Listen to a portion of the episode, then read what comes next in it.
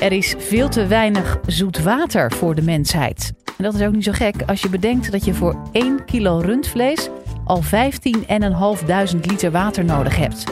Nou, wat kunnen we daar aan doen? Dat vertelt professor Louise Vet van de Wageningen Universiteit in deze podcast.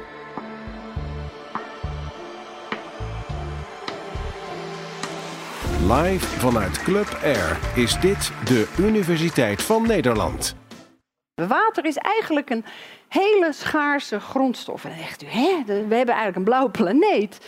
Maar ja, dat water, dat is zoutwater. Dat is ongeveer 97,5 procent is zoutwater.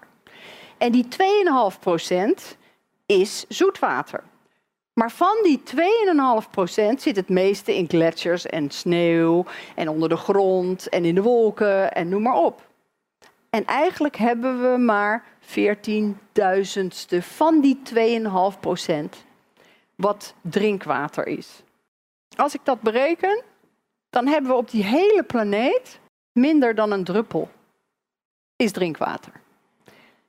Nou, daar moeten we dus zuinig op zijn. Hè? Laat dat uh, even duidelijk zijn. Hoe doen we dat dan? Nou, dat doen we niet. We, hebben het voor zo ontzettend veel nodig. We hebben het nodig voor drinkwater. We hebben het nodig voor de irrigatie, uh, bevloeien van het land om onze uh, gewassen te telen. We willen het voor recreatie. We willen het voor energie. We willen het voor transport. We gebruiken het eigenlijk voor van alles en nog wat. Maar ja, uh, nou, misschien uh, zijn er nog mensen die wel weten dat er in de 70er jaren heel veel fosfaten zaten in onze wasmiddelen. En dat werd vrolijk geloosd. En uh, die lozing die had nogal wat tot gevolg. En op dit moment het gebruik van kunstmest, waar fosfaat in zit. Hè, en de mest wordt ook op het land gegooid, vloeit af. Uiteindelijk verdwijnt het in onze wateren. En nou ja, Misschien heeft u gehoord dat fosfaten in sommige gevallen wereldwijd tekort is. Maar in Nederland spoelt het volledig uit, omdat we hier zoveel dierlijke mest hebben. Dus dat komt in dat water terecht. Dat heeft tot gevolg dat we groen water krijgen. Algen. Algen die kunnen leven van die voedingsstoffen die allemaal in dat water terechtkomen. En daar zitten ook helemaal niet zulke leuke algen bij. Er zitten eigenlijk veel cyanobacteriën bij. Cyanobacteriën, dat zijn eigenlijk geen algen. We noemen ze wel blauwalgen, maar het zijn eigenlijk bacteriën die kunnen fotosynthetiseren. Moeilijk woord, maar die pakken ook, net als planten, het zonlicht met CO2 en kunnen daarvan leven met voedingsstof. En die cyanobacteriën, die blauwalgen, die kunnen ook hele vervelende gifstoffen produceren. En uh, dat is niet zo leuk, want uh, dan uh, wordt het zwemwater eigenlijk verboden te zwemmen. En uiteindelijk, in verband met deze blauwalgen, u heeft het vast wel eens gezien, een ecosysteem is dan eigenlijk een beetje stuk, zou je kunnen zeggen.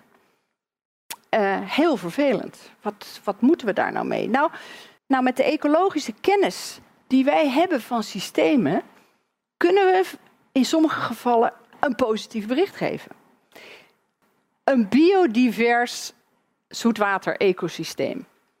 Uh, een systeem waar soorten in zitten die elkaar eten, belagen, uh, prachtig voedsel, uh, heerlijk om naar te kijken. Ik zie het niet zo vaak meer. Maar ja, ik ga dit systeem een klein beetje uitkleden er zitten soorten in, er staan mooie waterplanten in. die, die pakken CO2, uh, eh, produceren het zuurstof voor het water. Er zitten roofvissen in. Er zitten kleine vissen in. Nou, de roofvissen die eten de kleine vissen. En die gele bolletjes, dat zijn watervlooien. Die kleine vissen eten weer de watervlooien. En die watervlooien, die eten weer de algen. En wat gebeurt er nou als wij daar een fosfaat aan toevoegen. Dus die lozing van die meststoffen, dat komt in dat water. Het systeem kan dit prima verwerken. Maar als de druk te groot wordt en er veel eh, geloosd wordt in het water, ja, dan gaat er wat gebeuren.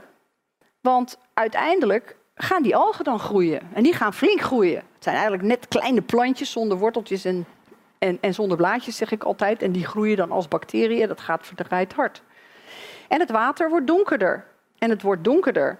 En uiteindelijk is er niet meer genoeg licht voor die waterplanten om te overleven. En we zullen zien dat de waterplanten gaan verdwijnen. En met die waterplanten verdwijnt er meer biodiversiteit in dat meer. De grote vissen zullen verdwijnen in eerste instantie, die vaak schuilen tussen de planten. En we zien dat er de kleine vissen toenemen. En we zien ook dat die kleine vissen gaan woelen in de bodem. En uiteindelijk nog meer turbulentie, dus nog minder licht in het water geven. En dan zien we dat de algen de overhand krijgen en het water wordt nog groener. En we zien dat er in feite uh, watervlooien gaan verdwijnen. Want die vissen die eten die watervlooien op, weet u wel. En er zijn nu meer kleine vissen. Dus minder watervlooien. En minder watervlooien, nou, een negatieve spiraal, meer algen. En het water wordt weer groener. En uiteindelijk zullen er in die algenmassa ook die cyanobacteriën hele nare dingen gaan doen. En er komt uiteindelijk een bord te staan, pas op, blauwalg.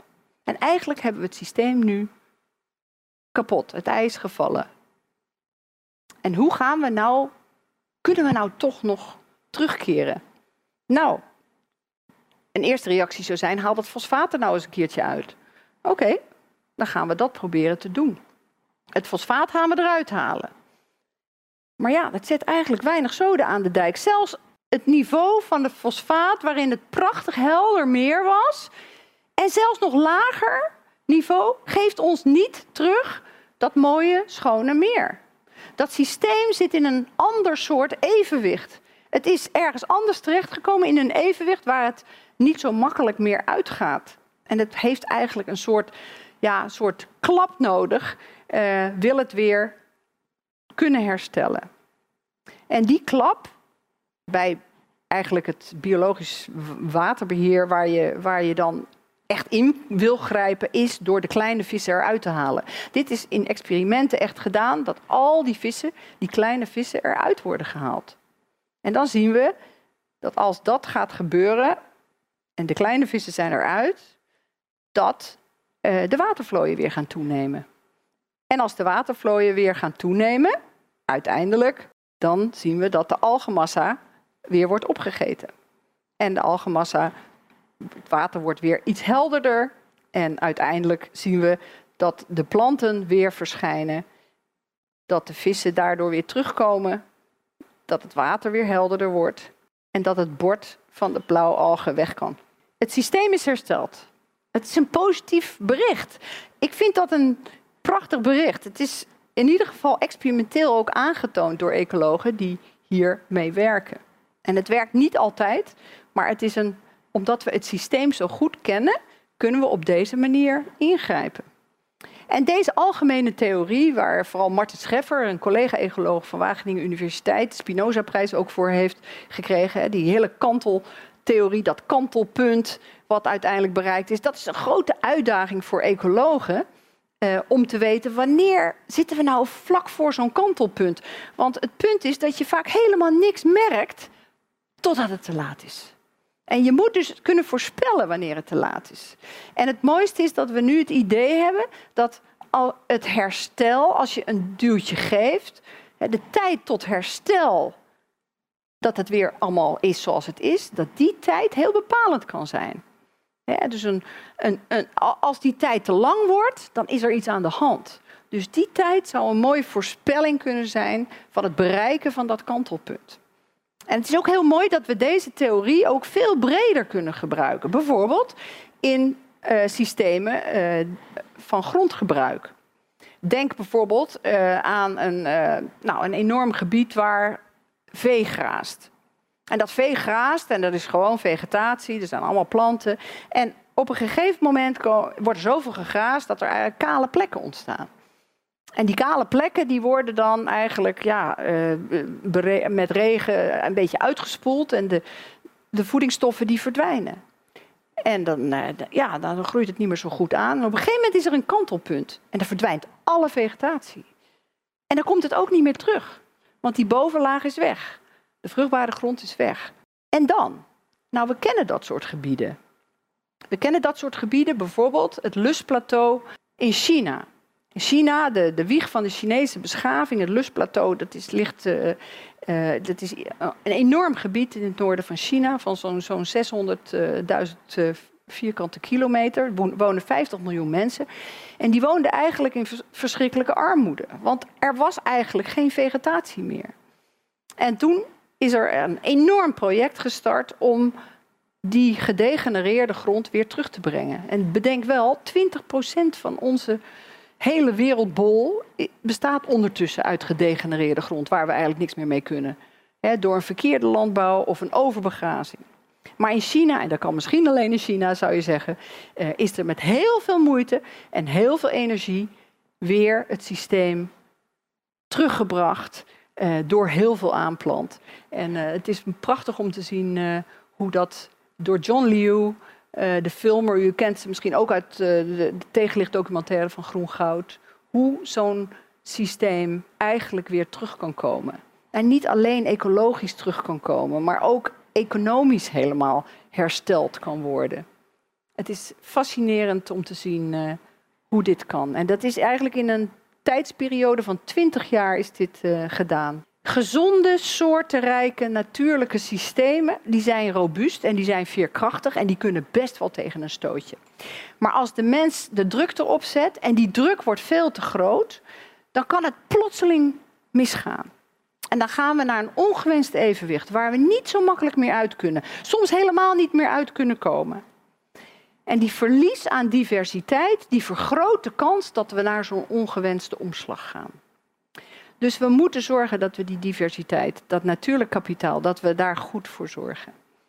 En we moeten, hopelijk heb ik u dat ook laten zien, zuinig zijn op dat hele schaarse drinkwater.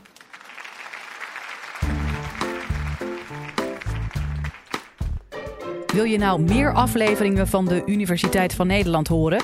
Check de hele playlist en ontdek het antwoord op vele andere vragen.